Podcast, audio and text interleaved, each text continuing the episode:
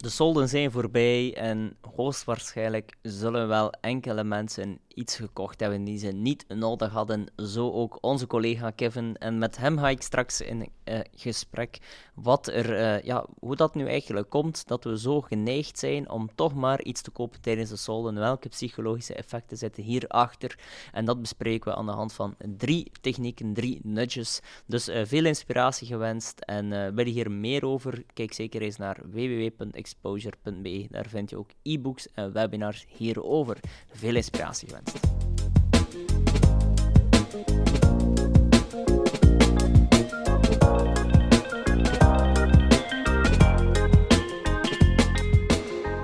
In een van de vorige afleveringen uh, had ik erover uh, ja, het feit dat ik me had laten vangen in de supermarkt. En uh, ja, het is weer gebeurd. Ik heb me laten vangen op, ja, op internet. Op, ja, ik, ga, ga geen namen noemen, maar op bepaalde kledingwebsites heb ik me ja, tijdens de solde, ik kan niet zeggen laten bedotten, maar wel, ja, ik ben, ben, ben in de val getrapt en ik heb dingen gekocht die ik eigenlijk niet per se nodig had. Uh, hoe komt dat eigenlijk, Reinhard? Wel, net zoals uh, het Warenhuis, Kevin, ben je ook weer zeker niet de enige. En uh, dat is iets dat we heel vaak zien in de soldenperiode. Dat is een, uh, vaak voor veel, veel modebedrijven en, een topperiode. En de solden ja, zetten ons aan tot actie. En daar zitten heel wat uh, psychologische technieken achter. Het eerste is uh, het anchor effect, maar er zit evengoed een, een schaarste element in. Mm. Schaarste in tijd dan. Het is nu of nooit, het zijn de laatste dagen. En um, ja, dat zijn eigenlijk twee hele, hele belangrijke psychologische insteken waarom wij ons heel vaak laten... Laten vangen. En, en ja, laten vangen hangt er natuurlijk vanaf. Hè. Dus het is niet altijd slecht, in tegendeel zelfs. En ook een stukje social proof. Uh, en uh, laten we misschien met die laatste starten. Mm Want uh, de, het geven van social proof wil eigenlijk zeggen dat je dingen doet omdat heel veel andere mensen het doen. Hm. En wat zien we uiteraard bij de soldenperiode? Wordt er een soort van vibe. En credits naar de sector. En zij hebben, daarvoor, uh, zij hebben dat gerealiseerd.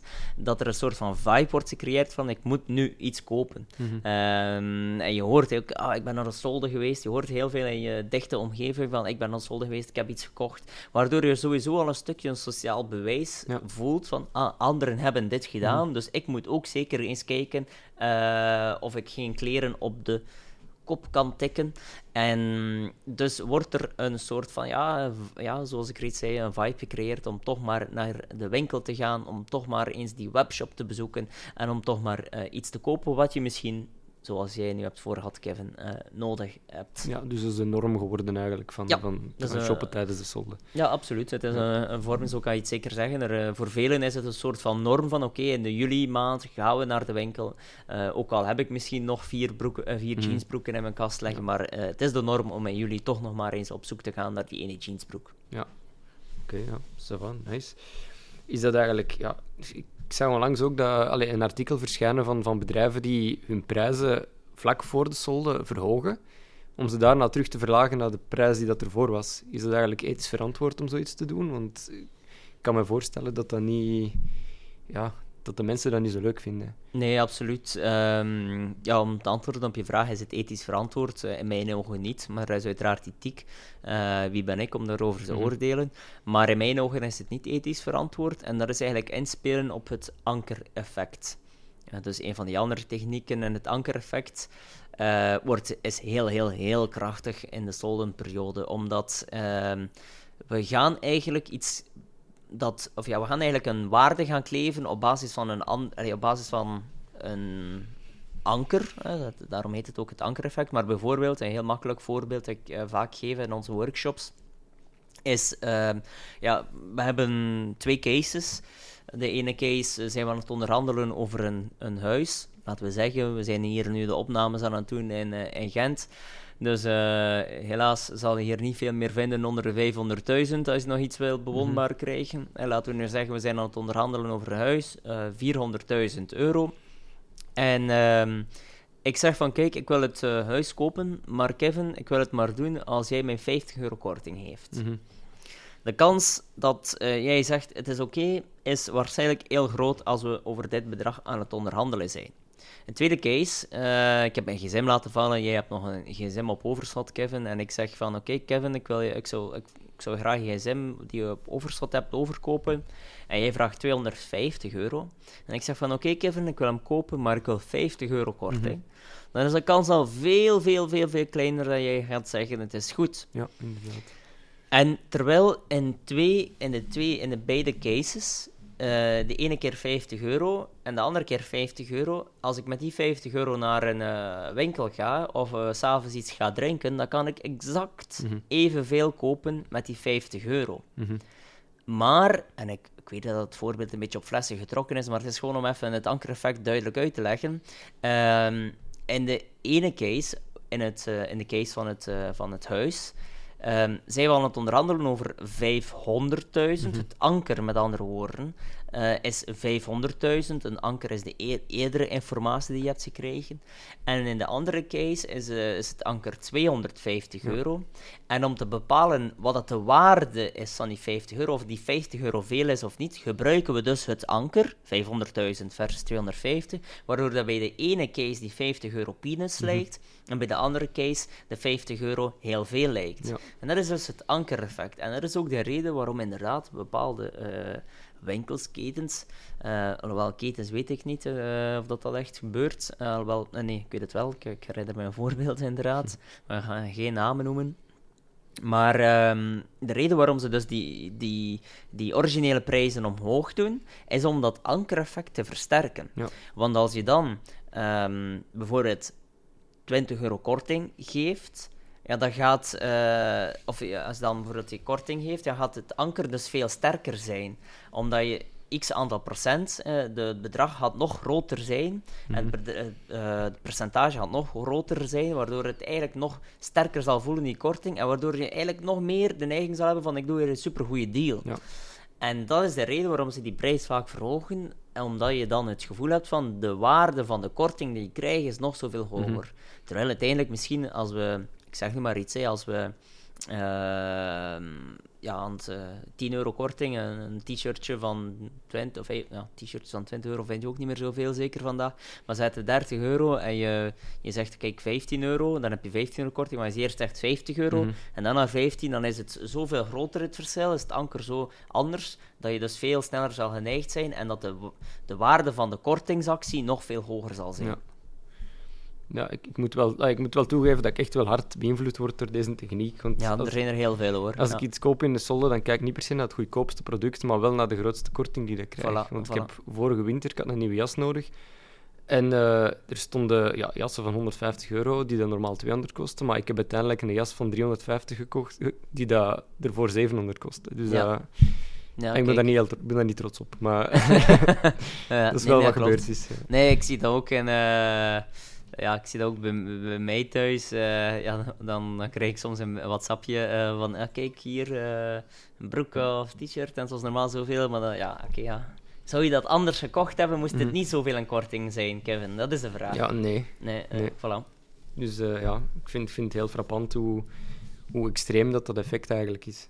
Dat, hoe hard, ja, dat, dat dat mij echt beïnvloedt. Ik, ik sta daar nu echt bij stil. anders sta ik daar niet bij stil, maar nu wel, nu, dat ik er zo ja, over nadenken ben. En, en ik vraag me af, kunnen we ons daar tegen wapenen? Tegen die eh, effecten of tegen die, die, die technieken die ze gebruiken om... om... Ja, ja, ik kan je daarbij eh, tegen wapenen, maar misschien wil ik nog even terugkeren. Het ankereffect kan... eh, opvallend bij het ankereffect is dat je die techniek in heel veel contexten kan gebruiken. Ehm, ja, je, je- het anker zelf moet bijvoorbeeld niet altijd iets te maken hebben met, met eh, het aanbod zelf. Hm. Er zijn bijvoorbeeld cases waarbij een bepaald product, ik zeg maar iets, eh, Coca-Cola blikje. eh, ik ga nu gewoon een random voorbeeld bedenken on the spot, maar ik wil een Coca-Cola blikje aan jou verkopen, Kevin.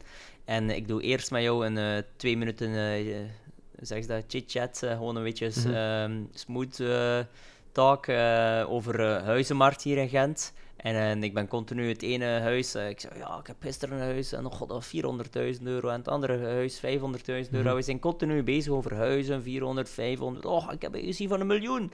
Ehm, en dan zeg ik van, kijk, even een aangenaam gesprek. Ja, moet je nu dat cola blikje hebben van anderhalf euro?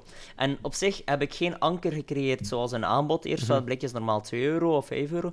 Maar omdat we zoveel bezig waren over die huizen, 1 miljoen 500.000, zal je ook al sneller geneigd zijn dat die, of zal je ook al die anderhalve euro goedkoper aanvoelen, terwijl uiteindelijk het ene, de huismarkt, niets te maken heeft met het cola blikje. Ja. En dat zie je bijvoorbeeld dat ook eh, in de verkoop of in, ja, bijvoorbeeld eh, als wij advies terecht te geven, gaan wij ook gaan nadenken van oké, hoe kan je dat eventueel verwerken in je offertes.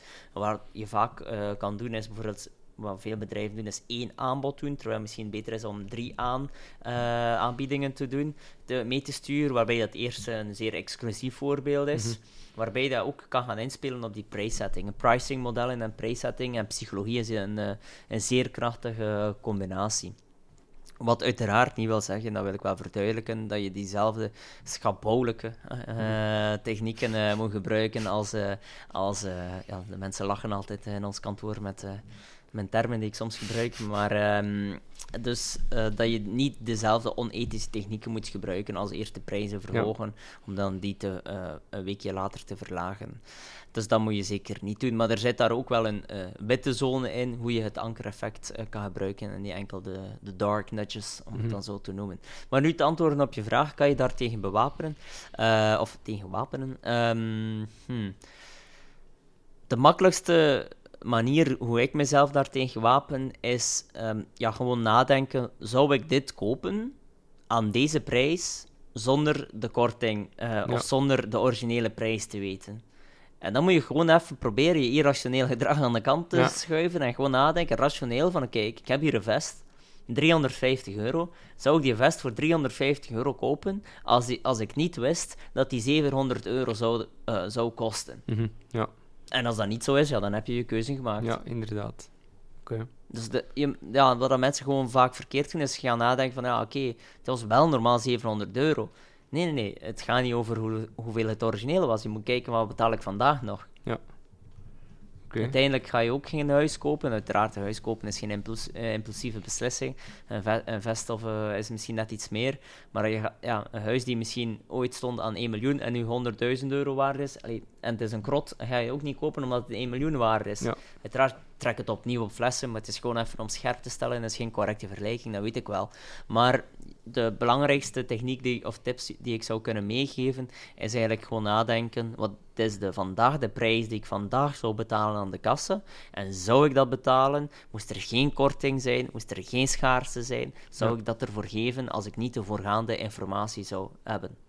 En gaat het nu net over schaarste? Wat- Wat bedoel je daar nu eigenlijk mee? Want je Ja. daar straks ook al vermeld. Ja, dus dat is eigenlijk eh, ja, een derde element waarom we ons misschien wel wat sneller laten overtuigen om iets te kopen in solden, is dat er een, een schaarste in tijd is. Hè. Hm. En ehm, ja, schaarste is een zeer effectieve techniek om mensen dan toch nog aan te zetten tot actie. Hè. Ik, zei- ik heb het ook al gezegd in een van de andere podcasts.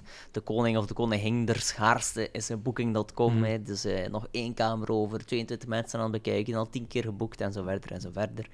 En ehm, dat is ook zo met de solden. Dus iedereen weet van oké, de solden zijn van 1 juli tot 31 tot en met 31 juli. En dan kans verkeken. Alhoewel, dan twee dagen later koppelverkoop. Er zijn bijna altijd wel solden. Mhm.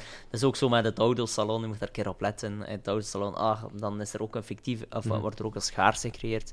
Eh, je moet het nu wel kopen, want eh, nu kan je echt badjes doen. eh, en ja, badjes is, is West-Vlaams? Dat is Eh, West-Vlaams, ja, ja. dat is West-Vlaams. Ja, ja, kijk. dan toch. Dus je kan een... een, ehm, een, een deal doen, een deal maken, Mhm. eh, een, mooie, een mooie korting krijgen. En dan ja, ben je zo geneigd om dan toch heel snel te beslissen tijdens de autosalon. En dan moet je daar eens op letten, twee weken later. eh oh, wegens succes, verlengde autosaloncondities. En dat is hetzelfde met, met, met, de, salon, eh, met de, de solden. Ja. Ja. je weet tot en met 31 juli zijn er solden. Als ik vandaag niet koop of volgende week eh, niet, eh, of nu niet koop, ja, dan, dan ben ik waarschijnlijk die kortingscode of die kortingsactie Mhm. kwijt. En dus die mooie waarde die ik er extra krijg, zonder ervoor te betalen, zal ik dus niet krijgen. Dus dat is schaarste in tijd. Plus, ook schaarste in, in voorraad, omdat heel vaak ehm, ja, kleding in de solden producten zijn of zaken zijn die, die van een wintercollectie zijn, van de oudere collectie. En dus weet je ook van, oké, als ik nu niet koop, de kans dat die maat en dit, uh, ja, deze vest dan nu er nog zal zijn, is heel klein en die gaat ook waarschijnlijk nooit nog terugkeren. Dus er is een schaarste in tijd. Als ik het nu niet doe, volgende week stoppen solden, ben ik waarschijnlijk die kortingsactie kwijt. Hm. En als ik het nu niet doe, kan het ook zijn dat ik volgende week dan nooit nog uh, die vest, als ik dat dan echt zo mooi vind, in combinatie met die kortingscode nog zal kunnen vinden. Dus het is eigenlijk schaars zijn voorraad en schaars in tijd. Alright, oké. Nou, bedankt voor deze informatie. Uh, ik zal het uh, in mijn achterhoofd houden wanneer ik de volgende keer online aan het shoppen ben tijdens de solde. En dan ga ik gewoon uh, de originele prijs afdekken met mijn vinger en eens goed nadenken of ik, of ik het dan voilà. nog zou kopen. Right, bedankt voor deze informatie. Met plezier, Kevin. Tot de volgende keer.